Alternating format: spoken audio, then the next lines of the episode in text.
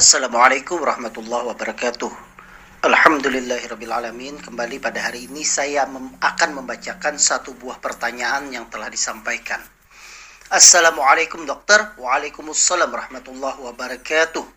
Saya penderita anemia Usia 48 tahun. Terakhir periksa darah HB7 Nafas selalu terasa pendek. Untuk mengatasinya, saya harus rutin konsumsi apa saja dokter?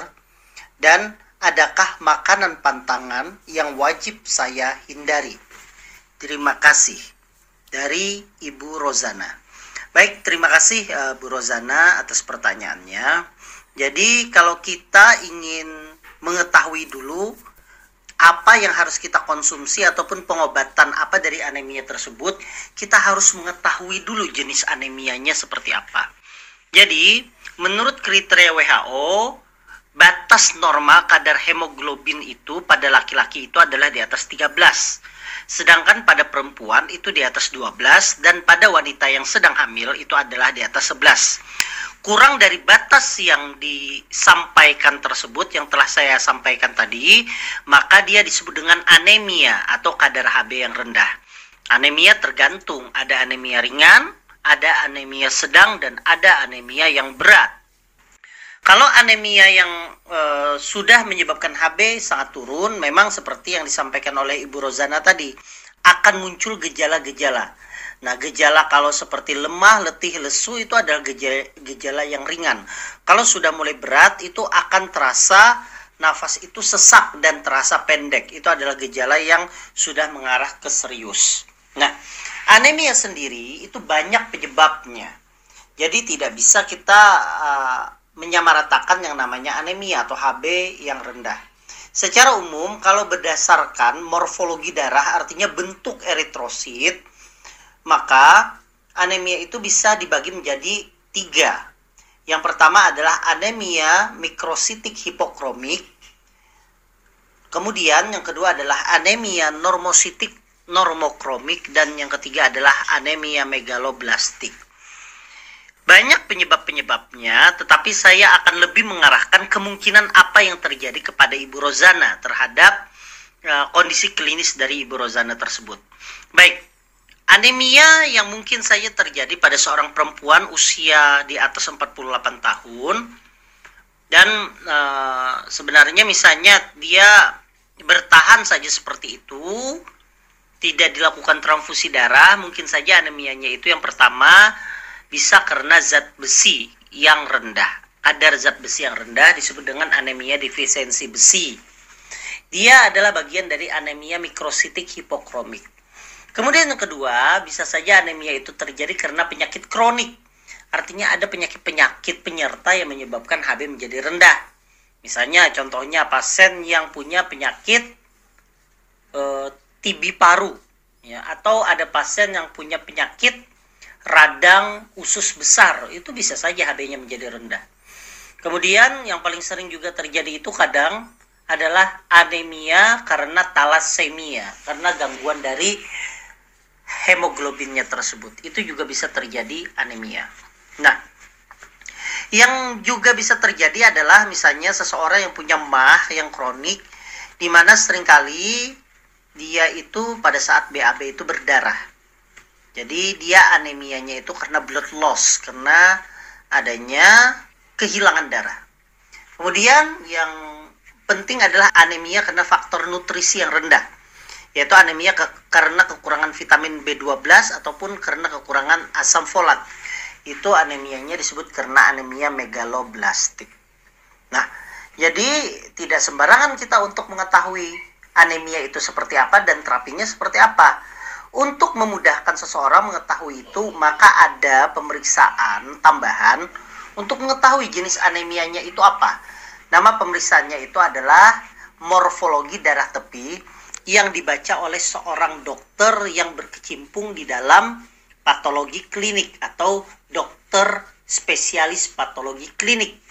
Nah, dokter inilah yang akan membaca jenis dari anemianya berdasarkan morfologi dari eritrositnya atau sel darah merahnya tersebut. Nah, kalau diketahui penyebabnya baru mudah untuk mengobatinya bahkan seperti pertanyaan Ibu Rozana, apa saja yang harus dikonsumsi?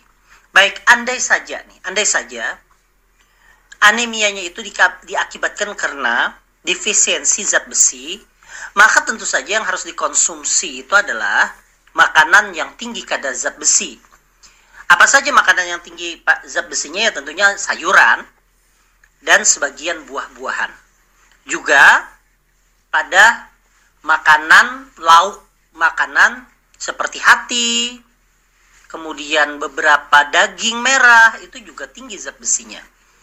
Jadi kalau karena kekurangan zat besi maka dianjurkan mengonsumsi makanan tersebut. Ada juga karena misalnya kekurangan vitamin B12 dan asam folat. Ya tentu saja makanan-makanan yang tinggi kandungan vitamin B12 ataupun asam folat yang dikonsumsi. Atau bisa juga mengonsumsi suplemen yang mengandung asam folat dan vitamin B12. Tapi kalau seandainya anemianya itu akibat karena luka pada lambung, blood loss, karena darah yang keluar terus-menerus. Berarti bukan makanan yang penting, adalah menjaga supaya lambung tersebut tidak luka. Dengan cara seperti apa? Ya jangan mengonsumsi makanan yang menyebabkan perlukaan di lambung. Seperti contoh misalnya, makanan yang pedas. Ataupun misalnya makanan yang asam-asam. Atau minum kopi misalnya. Ya itu bisa menyebabkan luka lambung. Ataupun misalnya kebiasaan mengonsumsi obat-obat anti nyeri itu juga bisa menyebabkan luka lambung. Nah, itu yang harus dihindari justru.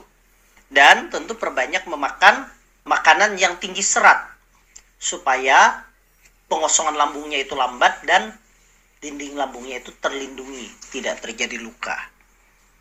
Kemudian, kalau seandainya misalnya anemianya karena ternyata talasemia, ya tidak ada yang dilakukan. Talasemia ya karena genetik kerusakan dari eritrositnya itu akibat adanya kerusakan pada rantai pembentuk dari hemoglobin. Nah, kalau itu yang terjadi maka kalau anemia kalau talasemianya itu minor biasanya tidak diapa-apai. Tapi kalau talasemianya mayor sehingga HB-nya rendah maka harus dilakukan transfusi yang berkala. Jadi, kesimpulannya dari pertanyaan ini bahwa kita tidak bisa dengan data yang sedemikian sederhana yang diberikan ini tidak bisa kita menentukan apa saja yang rutin dikonsumsi. Kemudian apa saja yang harus dihindari karena harus tergantung kita tahu anemia jenisnya apa. Jadi saran saya sebaiknya periksakan ke dokter, bisa ke dokter penyakit dalam untuk mengetahui jenis anemianya apa biar direkomendasikan nanti pemeriksaan laboratorium yang diperlukan.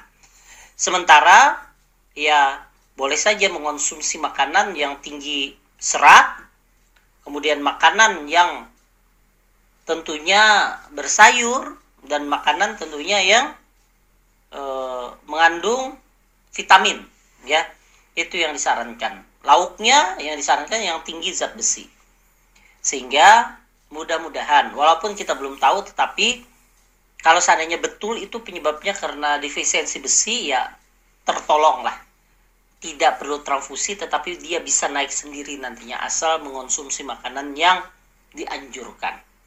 Demikian mungkin itu saja yang bisa saya sampaikan. Semoga ini bermanfaat untuk Ibu Rozana dan bermanfaat juga kepada seluruh jemaah yang mendengarkan ini. Marilah kita berdoa bersama semoga kita selalu diberikan kesehatan oleh Allah Subhanahu wa taala. Wassalamualaikum warahmatullahi wabarakatuh.